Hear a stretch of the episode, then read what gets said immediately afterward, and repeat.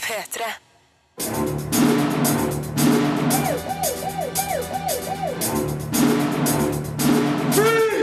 Filmpolitiet! What's your name, dude? Eh, Birger Vestmo. What kind of stupid name is that? Julianne Moore seiler opp som Oscar-favoritt i premierefilmen Still Alice. TV-figuren Svampebob Firkant gjør seg overraskende godt som kinofilm. The Woman in Black 2, Angel of Death, har mye skrekk, men er gruelig kjedelig. Og Juliette Binoche og Kristen Stewart spiller godt sammen i Tils Maria. I dag slippes også det vakreste spillet vår anmelder noensinne har testa på PlayStation 4, men har The Order 1886 mer enn en pen fasade? Filmpolitiet. Filmpolitiet anmelder film. I got something wrong with me. What are you talking about? I've been seeing a neurologist. You've been seeing a neurologist. Why?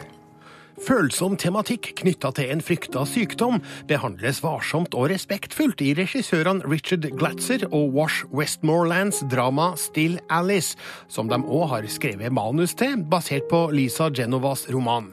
Regissørene kunne nok ha fortalt historien på en mer spennende filmatisk måte, men skuespillet er topp. Golden Globe-vinnende og Oscar-nominerte Julianne Moore spiller den Alzheimers-rammede hovedfiguren uten enkle klisjeer, sentimentalitet eller påtvungen sjølmedlidenhet. Det her er et enkelt, men sobert drama om hvordan et slikt sykdomsforløp kan oppleves. Why won't you take me seriously? No, I know what I'm feeling. I know what it's feeling, and, and it feels like my brain is dying. Vi introduseres for Alice Howland, spilt av Julianne Moore, som nettopp har blitt 50, er i ferd med å bli bestemor, og er aktiv som aldri før i jobben som lingvistikkprofessor. Men hun har begynt å glemme ting, og får problemer med å ordlegge seg. Den tidlige Alzheimers-diagnosen kommer som et sjokk på både hun og resten av familien, og Alice må begynne å forberede seg på en rask forverring. Like? Days, person, days, like. Det er sterkt å se denne modige dama bli nødt til å innse at hun snart ikke kommer til å være seg sjøl lenger. Men denne historien bryter heldigvis ikke ut i en følelsesmessig orkan. Alices reaksjoner formidles for det meste dempa og troverdig. Det samme kan sies om familien, bl.a. spilt av Alec Baldwin som ektemann og Kristen Stewart som en av tre barn. De er berørte, men innser at de lite kan gjøre, annet enn å støtte kone-mor. That is completely insane. I can't remember appointments, words. Honey, we all have memory lapses. That's a sign of getting older. Samspillet mellom Moore og Baldwin forteller om to mennesker med dyp kjærlighet for hverandre, men som fremdeles har en rasjonell holdning til hva man skal gi og ta i en slik sykdomssituasjon. Man kan stille spørsmålstegn ved ektemannens jobbplaner underveis i filmen, men også han er i en ny situasjon der det ikke finnes noen oppskrift på hva man bør og ikke bør gjøre. Og Kristen Stewart imponerer i en rolle der dattera rives mellom egen utvikling og omsorg for sin mor. Jeg liker måten filmen skildrer hvordan figurene famler rundt i et nytt og ukjent landskap og strever med å finne veien videre. Don't you think it's time you reconsidered things? You're so smart. There's so much more you could be doing with your life. Like going to college? Yes, yes, like college. Yeah, like we've never talked about that before. Every single day of my life. Alzheimers sykdom rammer mange, men det lages få filmer om temaet. Still Alice er filma enkelt, uten spreke filmatiske virkemidler. Kanskje hadde historien løfta seg et hakk ekstra dersom regissørene hadde mer poetiske måter å tilnærme seg den på. Men det her er likevel et sympatisk og finstemt drama, der mye sikkert vil virke velkjent for dem som er ramma av Alzheimers. For meg som ikke er det, bank i bordet, er Still Alice en trist og oppløftende vekker på samme tid. Og tittelfiguren er flott spilt av Julianne Moore, som konsekvent leverer sterke prestasjoner på kino. Everything I've worked for in my entire life is going. It's all, all, all going. Terningkast fire. Les mer om film, spill og serier på p3.no Filmpolitiet.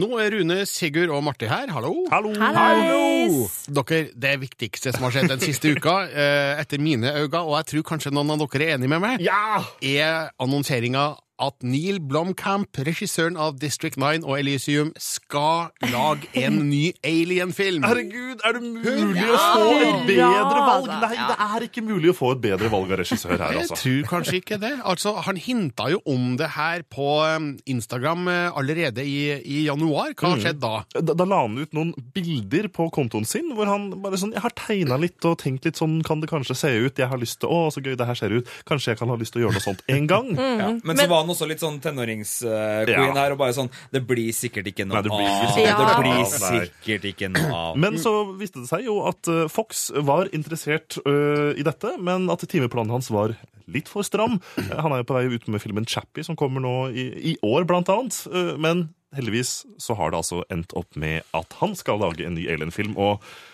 det er, det er store sko å fylle, Men altså. jeg tenker da at eh, hvor, eh, hvor tilfeldig var den der Instagram? Ja, ikke sant? Var det han som på en måte slapp Januar. noen kule greier på Instagram og så bare 'Å, det hadde vært så kult å gjort dette', og så kommer folk på ballen? Eller var det liksom Det var med andre ord en En veldig regissert PR-kampanje. Det Ja. var det helt sikkert. Men, men det vi bare må slå fast, dere, er jo de bildene som både ble lagt ut i januar, og den nye tegningen av selve Xenomorph-vesenet som han la ut nå nylig for å bekrefte at han skal lage en ny Alien-film. Det ser jo bra ut. Det ser spennende ut. Det ser ut som han har gode ideer. Mm. Og for Alien-fansen er det betyggende å se at Ridley Scott, regissøren av den første Alien, eh, er med på produksjonsteamet her, og at eh, storyen i den ennå uskrevne Blomkamp Alien-filmen skal foregå etter Prometheus 2, som vi fremdeles venter på.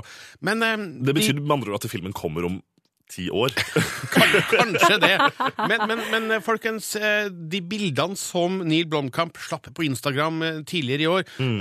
der leker han med Sigourney Weavers ansikt. Skal vi, skal vi legge noe i det? Jeg håper jo at hun skal vende tilbake, men det blir nok kanskje ikke i formen som eh, Ripley, som vi kjenner, da. I hvert fall skal vi tro de bildene som ble lagt ut, for her ser det ut som hun har blitt på et eller annet vis assimilert. Men hvis handlinga skal foregå mellom Prometheus 2 og den første Alien-filmen, så kan jo kanskje Sigourney spille mora til Ripley? Altså at hun kan spille sin egen mor? Er det her? Ja, det blir veldig meta. Det her blir meta. veldig Jeg tror det blir litt rart hvis Ripley skal være med nok en gang. Så vi får tro inntil videre at det her er bare en visuell leik fra Neil Blomkamps eh, side, og at eh, vi får en helt ny, frisk alien-historie som jeg er veldig spent på hva Blomkamp vil med. Altså, jeg tenker, jeg, jeg er storfan av Alien og Aliens. Og, Det- og hva med District 9 og det Elysium som han har laga før? Han, altså, Neil Blomkamp kan lage bra sci-fi, altså. Ja, men det jeg skulle si var at jeg elsker Alien og Aliens, men jeg, jeg vet ikke om jeg føler et, et enormt behov for å se enda en Alien-film, siden de siste Alien-tinga fra Fox kanskje har ødelagt mer enn det har gleda. Jeg tenker da spesielt på spilla. Eh, Ja. Aliens Colonial Marines er nå rart, en altså. offisiell del av Alien-universet, på en måte som fansen kanskje ikke setter veldig stor pris på. Men vi gleder oss for det. Ja, altså, ja, ja, ja, ja, ja, ja, ja, Med tanke på at det er Neil Blomkamp, så altså, vi elsker han, og da har jeg skikkelig stor tro på at det her kan bli noe snasende greier, altså.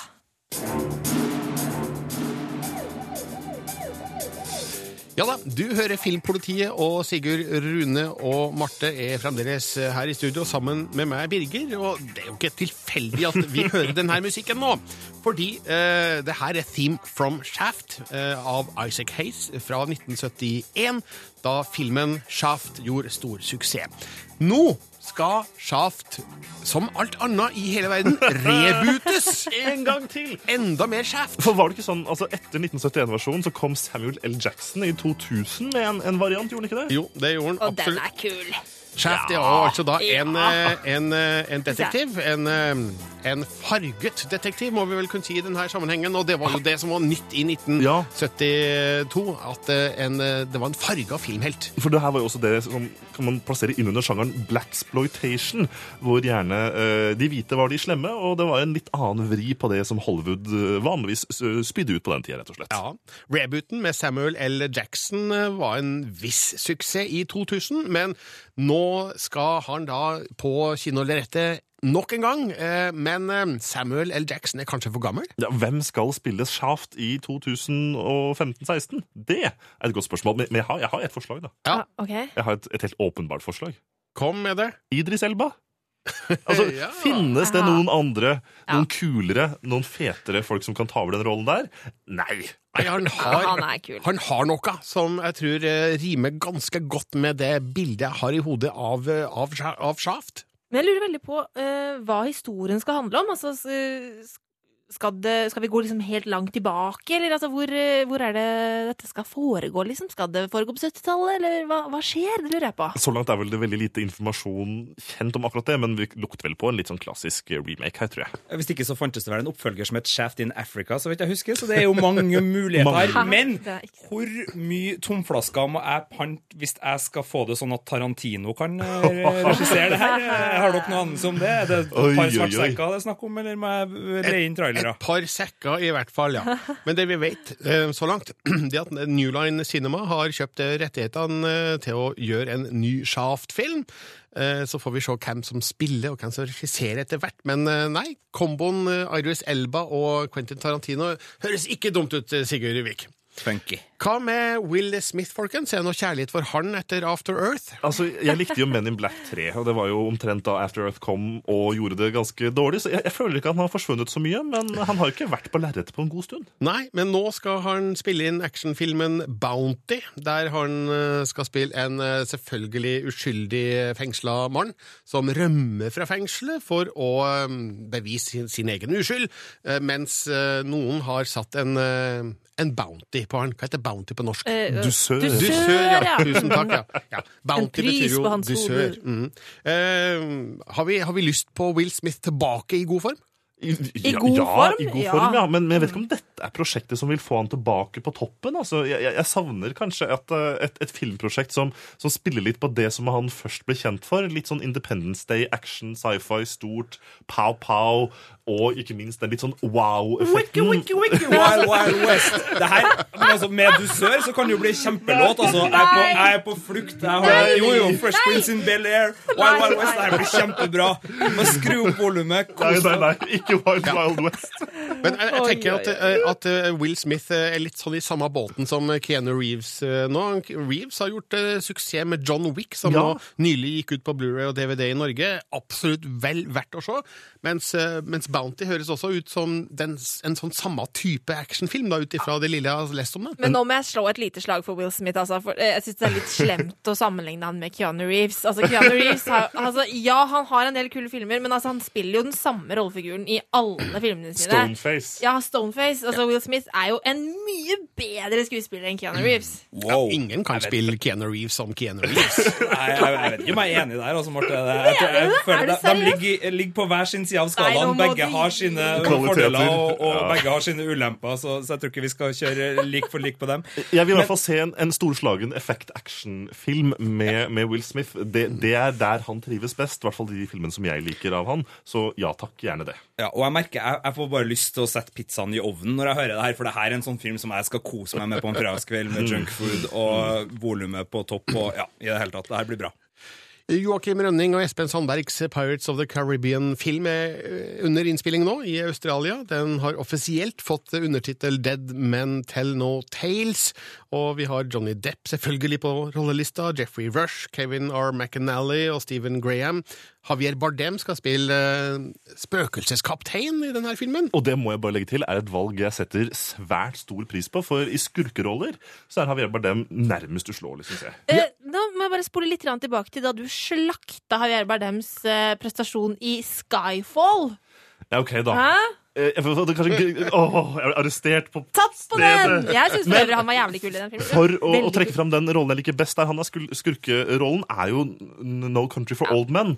Hvor han i rollen som Anton Shigur bare skremte livskiten ut av meg. Og jeg håper han gjentar den kalde galskapen i, i Pirates 5. Ja, det er, et, eh, det er et lite handlingsreferat her som Disney har eh, sluppet. Jeg skal ikke ta hele greia, men det handler jo da selvfølgelig om kaptein Jack Sparrow, som nå blir jakta på av spøkelsespiraten kaptein Salazar, spilt av eh, Bardem, eh, som da vil drepe eh, hver eneste pirat i hele verden. Og kaptein Jack må da lete etter en legendarisk gjenstand, på engelsk kalt Trident of Poseidon, altså Poseidons hva, hva, hva heter det? Spyd! Nei, nei, nei, nei, nei, Sånn- sånn, sånn- trefork! Trefork. Fork! Ja, Gaffel. Det er jo et spyd, Det heter trefork. Gaffel! Gaffel. Velkommen til! Landbruksmagasinet Filmpolitiet Den lille havfruen. Er det ikke, sier de ikke trefork der? Sier de trefork? Jeg vet det, søren. Men en, en, en, en svær Trehodet spyd. en svær gaffel laga av tre, eh, som, eh, kan, eh, som man kan styre eh, faktisk da verdens hav med. Så det er da En fordel. Det, jeg vet ikke om eh, Dette høres ut som en sånn klassisk Pirates of the Caribbean-film, men er det en story å bli særlig sånn begeistra over? Ja, hvorfor ikke? Her er det muligheter for både utforsking av templer og på bunnen av havet. Og jeg liker det. Jeg tror jeg på det her. Det kan bli artig. Og spesielt eh, med tanke på hvor mye penger som er involvert, så bør det jo se pent ut. Eh, Det forventer jeg. Og jeg bare si en ting. Det heter trefork, for jeg sjekka nettopp på Wikipedia. Ok. flott. Takk skal du ha, Marte Hedenstad. Du, eh, det er en eh, annen nyhet som eh, Vel, den er noen dager gammel, riktignok, men eh, Marion Cotillard og Michael Fassbender skal spille Oi. eh, i eh, Assassin's Creed.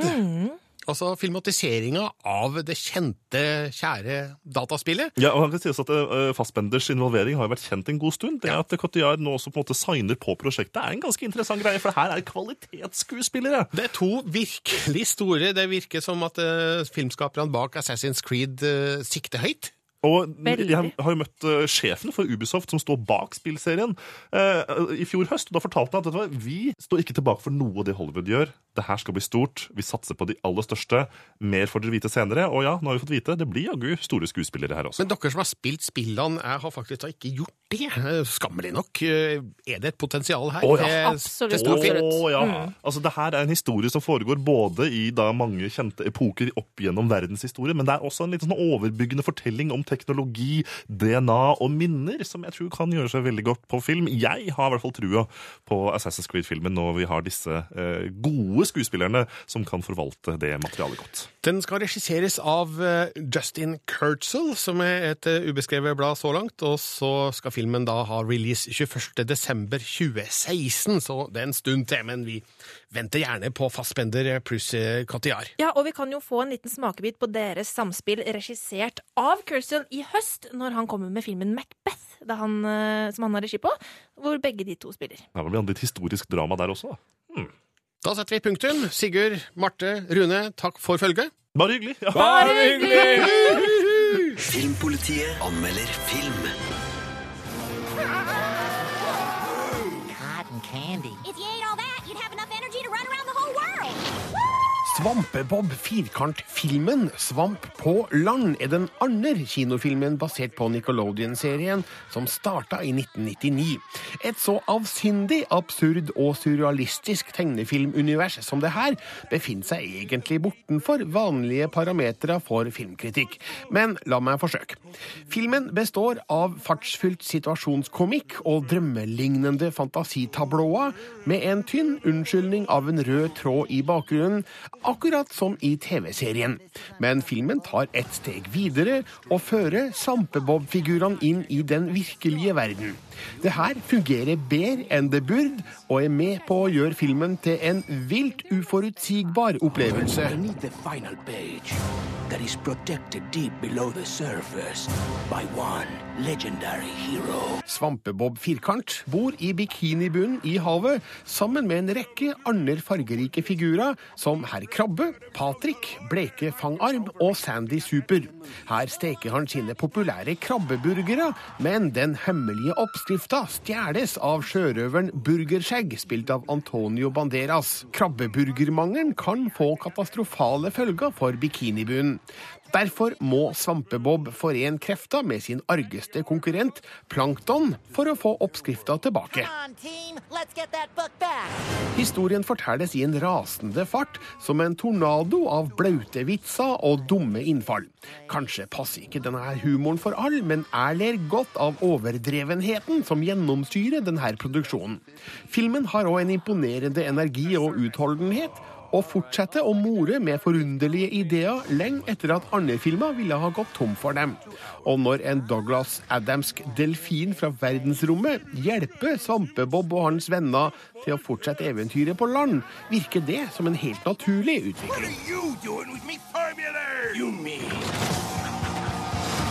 Det er på overflata at figurene får kontakt med sjørøveren Burgerskjegg, spilt med glimt i begge øynene av Antonio Banderas.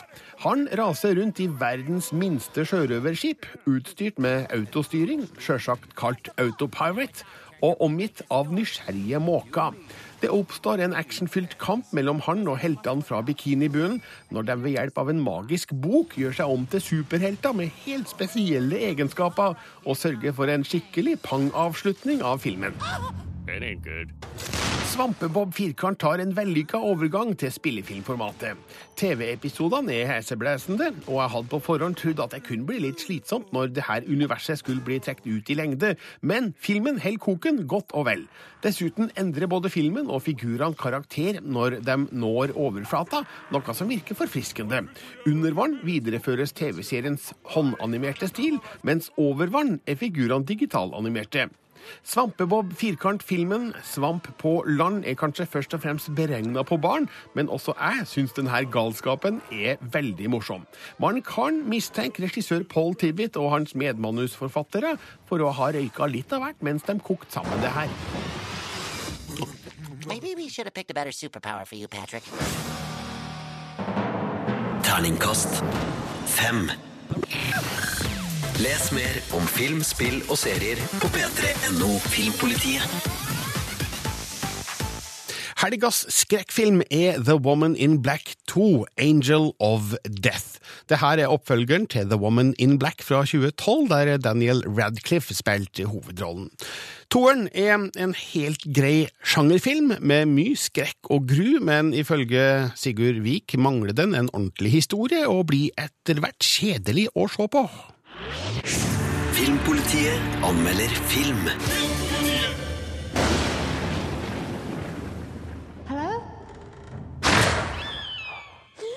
The Woman in Black 2 har alle ingrediensene som trengs for å lage en skikkelig god skrekkfilm. Og den er stappfull av velplasserte bø. Men den mangler en ordentlig historie, og figurene er så kjedelige at filmen blir aldri noe mer enn en lettglemt sjangerfilm. So Their parents can't leave London. They have no other relatives, so we're taking them to a house in the country. Handlinga foregår under andre verdenskrig, og bombene hagler over London. For å komme seg unna krigens farer tar lærerinna Eve Parkins, spilt av Phoebe Fox, med seg et dusin foreldreløse barn ut på landet. Og det er her de er litt uheldige med valg av bosted. Gjengen havner i det forlatte herskapshuset Eel Marsh House. Og for dem som har lest boka eller sett filmen om The Woman in Black, så vet dere at her bor det et blodtørstig spøkelse. Sure, there's nobody else living here. I think you should keep your visions to yourself.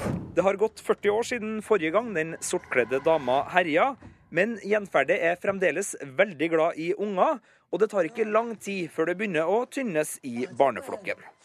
Regissør Tom Harper sparer ikke på noe for å holde publikum i en konstant skrekktilstand. Han bruker ca. ti minutter på å etablere historier. Resten av filmen er skrem, skrem, skrem og skrem. Og den biten fungerer egentlig ganske bra, med ulmende lydspor, mørke ganger og god råtten likutseende på spøkelset. Men det blir aldri særlig spennende. Du vet jo akkurat hva som venter borti gangen. Det er også veldig lite historie i de her 90 minuttene.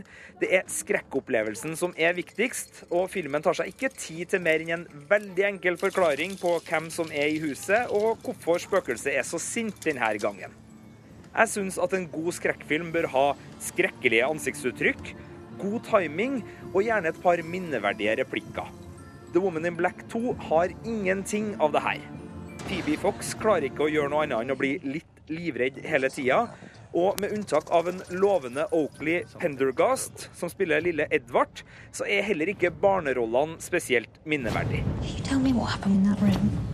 Det er absolutt ikke noe galt med filmer som bare vil underholde. Og digger du en tettpakka spøkelseshusfilm full av småcheesy triks, så er det her definitivt noe for deg. Men hvis du trenger ei god historie, tydelige motiver eller spennende figurer for å trives med skrekkfilmen, da blir The Woman in Black 2 gruelig kjedelig. Terningkast tre. Les mer om film, spill og serier på p3.no Filmpolitiet. Filmpolitiet hver fredag fra 11 til 1 på P3. Her skal det handle om spill. Årets første storsatsing fra Sony er det PlayStation 4-eksklusive The Order 1886. Et spill som eh, i samme stil som Uncharted satser på eventyr og action for all penger. Filmpolitiet anmelder spill. It is a new world for us. For all of us. An age of scientific marvels. The Order 1886 tar i bruk den mest imponerende fotorealistiske grafikken tilgjengelig i dag for å fortelle sin historie. Dette er det peneste spillet jeg har sett i hele mitt liv. Sånn, da var det sagt. And yet, underneath the brass and steel,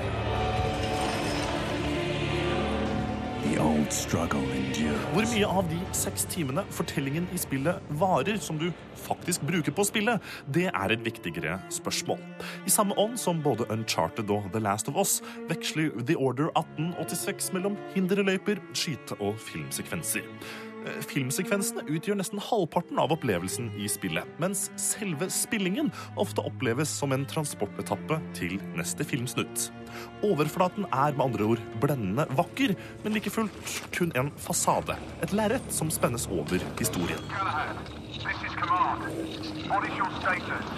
We have made contact. Galahad, Percival, Igraine og Lafayette er alle soldater i en spesialavdeling som på oppdrag fra dronningen har fulgt tradisjonen etter ridderne av Det runde bord.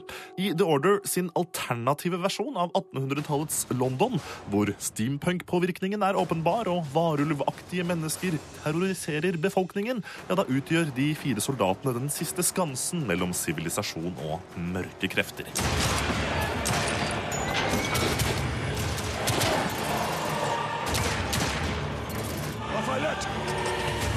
Spillet har kun én enkeltspillerdel og er over på omkring seks timer. Men det er jo tross alt ikke lengden som er viktig, men hvordan man bruker tiden. Stemmeskuespillet og animasjonene av figurene i The Order 1886 er svært godt gjort. Også utgangspunktet for historien, med riddere og overnaturlige vesener i en da steampunk-inspirert utgave av London, ja, det er originalt og spennende. Men historien utvikler seg raskt i en klisjéfylt retning.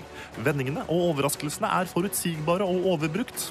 En av årsakene til dette er at The Order 1886 i svært liten grad gir spillere anledning og mulighet til å omgi seg med og utforske den vakre spillverdenen. Bare den ene døren du må gå gjennom for å følge spillets lineære fortelling, kan røres. Aviser og utklipp som ligger omkring, kan ikke leses. Og mennesker i omgivelsene, som ikke er en del av fortellingen, går i loop om du ikke løper forbi dem i høyt tempo. Også mange av de rikelig brukte hurtigknappsekvensene stopper opp og går i pinlige loop som ikke reagerer raskt nok. Den dynamikken disse sekvensene forsøker å tilføre spillet, vipper raskt over til noe som river ned spillverdenens troverdighet. My work gives them hope that we will one day prevail against our enemies. Spillstudio Ready at Dawn skal ha skryt for å gi ut et spill av ekstremt høy teknisk kvalitet, med slående grafikk og utseende, og med gode stemmeskuespillere. Men spill som utelukkende fokuserer på enkeltspillerhistorien, uten å bry seg om flerspillermuligheter, har høye krav til kvalitet på ja, historie og en engasjerende spillverden. At fortellingen er over etter seks timer, behøver ikke å være et hinder, men i tilfelle The Order 1886 er det som å vandre seks timer gjennom et vokskabinett. Det er fint å se på, men ved nærmere undersøkelse oppdager du at alt faller fra hverandre når du tar på det.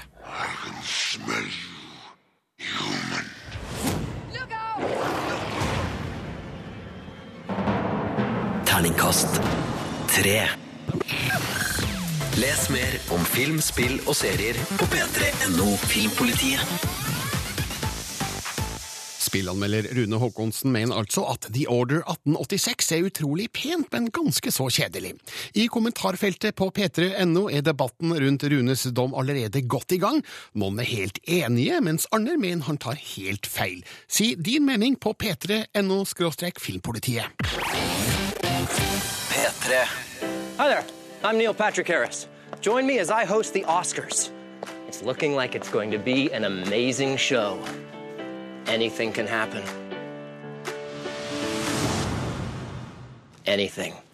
Natt til mandag er det utdeling av Oscar-prisene i Los Angeles, noe du kan lese alt om på p3.no slash filmpolitiet. Vi følger utdelinga når det skjer, men før det skjer, så må vi synse litt, mene litt, spå litt, og Mm. Sigurd, Rune og Marte er her for å hjelpe meg med det. Yes, Det er jo noen norske navn på lista i år som gjør det litt ekstra spennende. Ja, Morten- Mulighetene er jo spørsmålet, da. Morten Tyldum er aktuell med The Imitation Game, og Toril Kove med den animerte kortfilmen eh, Molton og meg. La oss ta årets film først. Det er jo den gjeveste av dem alle, og her er det da åtte nominerte, der noen har større sjanser enn andre, kan vi si det. Men hvis vi ser på antall nominasjoner, så leder jo da The Grand Budapest Hotel med ni og Birdman med ni. The Imitation Game har åtte. Mitt hjerte må jeg si banker for Boyhood, som har seks nominasjoner totalt. Eh, Men eh, er Boyhood eh, den typen film som Oscar-akademiet kan tenkes å stemme frem? Jeg tror, for å spå, at det er enten Birdman eller American Sniper som stikker av med prisen for beste film, mens Richard Linklater han blir æra i en annen kategori, så Boyhood Tror jeg du tar feil. Du tror det, altså?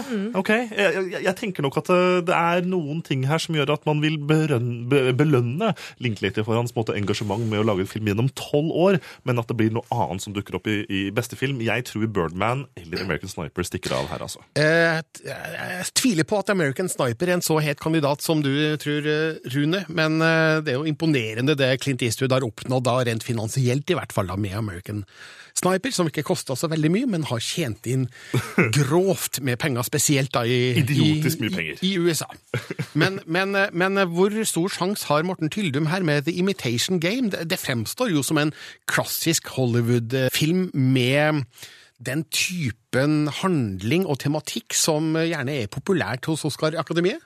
Jeg er ganske enig med Rune om at Boyhood nok havner i regikategorien, og da tror jeg det er mulig jeg bommer kraftig men jeg tror The Imitation Game kan ha en liten outsidersjanse på, på beste film, for den er så likende for alle. Altså, den, den fenger de fleste. Den har en veldig sånn sterk historie i bunn. Den er tradisjonelt bygd opp, så, så det er en mulighet for Tyldum i beste film-kategorien, men beste regi tror jeg ikke han får. Ja, altså, man må, eh, man må tenke det her sammen med regi, for jeg tror folk tenker litt grann, eh, taktisk når de stemmer Mm. i akademiet. Eh, og ja, det er en vanvittig eh, prestasjon av Linklater å lage en film over tolv år, men jeg, jeg lurer på om kanskje det er Boyhood som vinner beste film, og så går regi til eh, Alejandro Inarritu.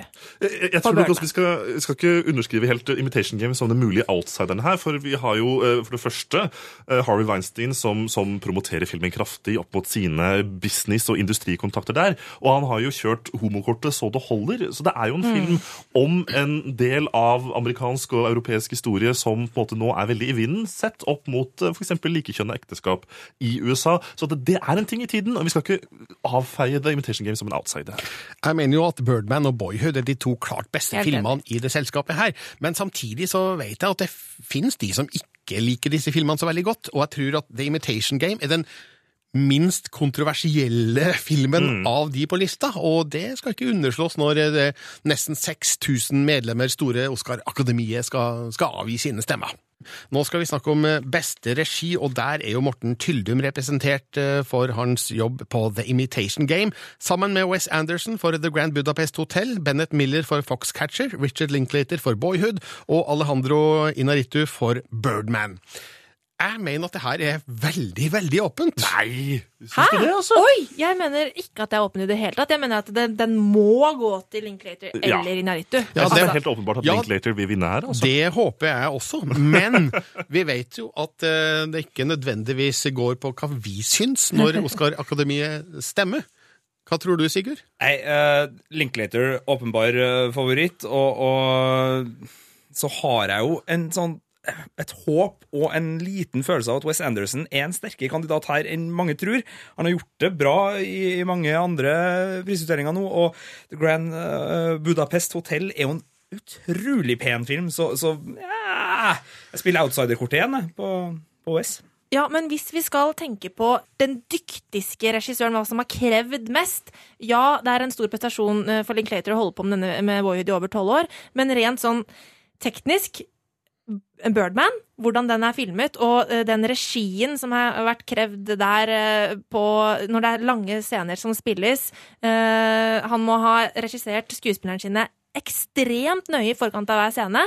Det har krevd veldig mye fra Inaritu, og det tror jeg fører til at han kan stikke av med det. Og derfor tror jeg også Birdman eh, ligger godt an i kamerakategorien. Men eh, Morten Tyldrum her, da? Altså mm, Her må jeg si at jeg tror ikke han har så stor sjanse. Nei, Jeg tror ikke jeg det. Eh, Det, var- det var litt interessant å se et intervju The Hollywood Reporter gjorde tidligere i Mm. uka med en, et, en anonym eh, Oscar Akademi-person som, som sa rett ut at eh, ja, hun ville ikke kjent igjen Morten Tyldrum om hun gikk på han på gata. Eh, Er det et negativt tegn for han at han ikke er så kjent ennå, altså blant eh, de andre her? I hvert fall når du ser på øh, for eksempel filmografien til Linklater og Anderson, så har jo de en veldig fyldig og lang karriere her. Jeg tror det teller for dem, men jeg tror ikke det at Tylde er ukjent teller imot ham heller, på en måte. Så at det, det, det er et tvega sverd, akkurat Men det de har her. da sett Buddy, den gjengen der? Ikke de det? Varg det. Veum. Varg Veum. Vi eh, går over på eh, beste skuespiller, og der, altså beste mannlige skuespiller først, og der er det Steve Carell for Foxcatcher, Bradley Cooper for American Sniper, Benedict Cumberbatch for The Imitation Game, Michael Keaton for Birdman og Eddie Redmayne for The Theory of Everything. Og her, eh, her banker da mitt hjerte igjen for, for Michael Keaton, men Eddie Redmayne seiler opp som en favoritt her. Interessant nok så, så, så har jo Eddie Redmayne fått en del kritikk etter lanseringen av Jupiter Ascending, storfilmen til Wachowski-søsknene, eh, hvor han eh, får kritikk for å overspille litt. Det blir jo interessant å se om det kan ha spilt inn. Jeg tror nok i likhet med deg, at Michael Keaton er den som kommer til å, å, å, å gå seirende av scenen etter en varm takketale på natt til mandag. Men ingenting er som eh, en skuespiller som spiller en person med en eller annen funksjonshemming, psykisk eller fysisk, eller alvorlig sykdom. Altså, Eddie Redmayne spiller jo da Stephen Hawking, som eh, blir ramma av en muskelsykdom og lenkes til rullestol. Og dette elsker Oscar-akademiet, dere vet det. Ja, Altså, det- det- det tenk, det, altså. Tenk Daniel Day-Lewis i min eh, venstre fot. Tenk Tom Hanks i Philadelphia. Du, det er sant, det. Altså, det. Vi skal ikke undervurdere den eh, effekten heller. Så jeg slites nok mellom Eddie og Michael, men min favoritt, det er Michael Keaton. Beste kvinnelige skuespiller, der har vi Marion Cotillard i To dager, én natt, Felicity Jones fra The Theory of Everything, Julianne Moore i dagens premierefilm Still Alice, og Rosamund Pike for Gone Girl og Reece Witherspoon for Wild. Sistnevnte film har jeg ikke sett, men de andre har jeg sett, og her er Julianne Moore min favoritt. Mm. Hun vant vel også Golden Globe? Hun fikk også Golden Globe, og hun spiller jo da person med sykdom. Apropos det vi skal vi se snakket et her, eller begynner å se et, eh, et, et mønster? Hun, hun er jo kruttsterk i rollen som en eh, ressurssterk kvinne som blir ramma av tidlig Alzheimers. og um, hun, hun gjør dette på en overbevisende, troverdig måte, uten å smøre på med sentimentalitet eller klisjeer. Altså, jeg, jeg mener at hun har en god sjanse, og Julianne Moore har heller ikke vunnet Oscar tidligere. Å, nei, det har hun ikke, vet du. Hun har blitt nominert fem ganger, inkludert i år, men ennå ikke vunnet, og vi snakker her om en skuespiller med lang fartstid, stor popularitet og høy respekt i Hollywood, så eh, mange vil synes at det er på tide at Julianne Moore faktisk får en Oscar. Men hele Oscar-utdelinga skal vi følge på P3.no Filmpolitiet. Mm, gjennom hele natta. Så bare gå inn på nrk.no eller p3.no i løpet av Oscar-natta for å få ferske oppdateringer, og ikke minst for å snakke videre med oss som holder dem selskap gjennom hele den lange utdelingen. Filmpolitiet anmelder film. Klaus is here to see you. I already told him no. He's a great director. Just hear him out. It's probably the best for generation. Frykten for å bli gammel og utdatert ligger i bunn av regissør Olivier Assayas nydelige drama Sils Maria. Det handler om en skuespillers ambivalente følelser omkring egen alder og overgang til en ny fase av karrieren. Filmen viser òg hvor lada og smertefull en skuespillers kreative prosess i tilnærminga til en ny figur kan være. Juliette Binoche spiller svært godt i hovedrollen, og imøtekommes av Kristen Stewart i en solid rolle som en idealistisk personlig assistent. An older woman falls in love with a scheming girl that has her wrapped around her little finger. Historien er lagt til området Sils Maria i Sveits, der skuespilleren Maria Enders, spilt av Juliette Binoche, vurderer et teatertilbud i London. Rollen som Sigrid i Maloya-slangen var hennes gjennombrudd for rundt 20 år siden. Men nå skal hun spille Helene, Sigrids eldre elsker, mot stjerneskuddet Joanne, spilt av Chloé Grace Moretz. Assistenten Valentine, spilt av Kristen Stewart, gjør sitt beste for å være oppmuntrende og engasjerende, men Marias ambivalens i forhold til å spille mot sin egen gjennombruddsfigur står i fare for å velte hele prosjektet. I will play Binoche og Asayas har samarbeida på flere filmer. Her har de sammen skapt en interessant figur som har problemer med å anerkjenne de faktiske forhold. Med små detaljer, vage hentydninger og flyktige ansiktsdrag blottlegges Marias utsatte posisjon. Hun er i ferd med å skilles, hjemmet er i oppløsning, hennes mentor dør, og karrieren er kanskje i ferd med å stagnere.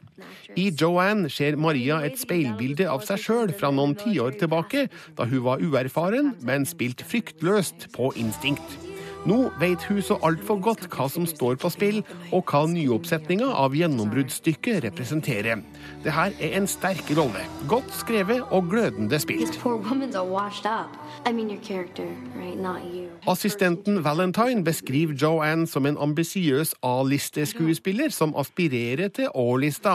Noe sier meg at det her kanskje ikke er så langt unna Kristen Stewarts egne ambisjoner. Hun er ivrig etter å vise at det bor langt mer i hun enn det Twilight-serien ga hun rom til å vise, og her gjør hun en god rolle, som kanskje er litt anonym i perioder, men like fullt troverdig som motvekt til Binoches figur. Valentine refererer annet til Joannes forhold til paparazzi, som følger hun gjennom romantiske forviklinger, noe Stuart sjøl har godt kjennskap til. Her får hun formidla noe om hvordan det her oppleves fra innsida.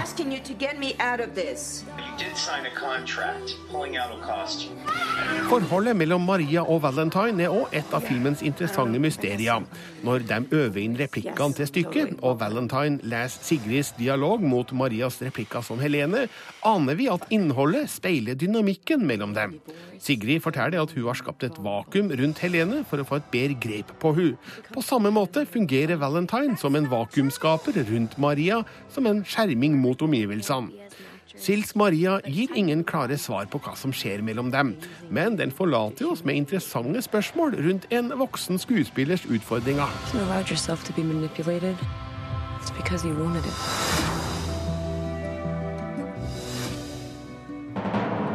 Terningkast fem. Les mer om film, spill og serier på p3.no Filmpolitiet. Filmpolitiet Med Birger Vestmo. på P3. Hør flere podkaster på nrk.no podkast.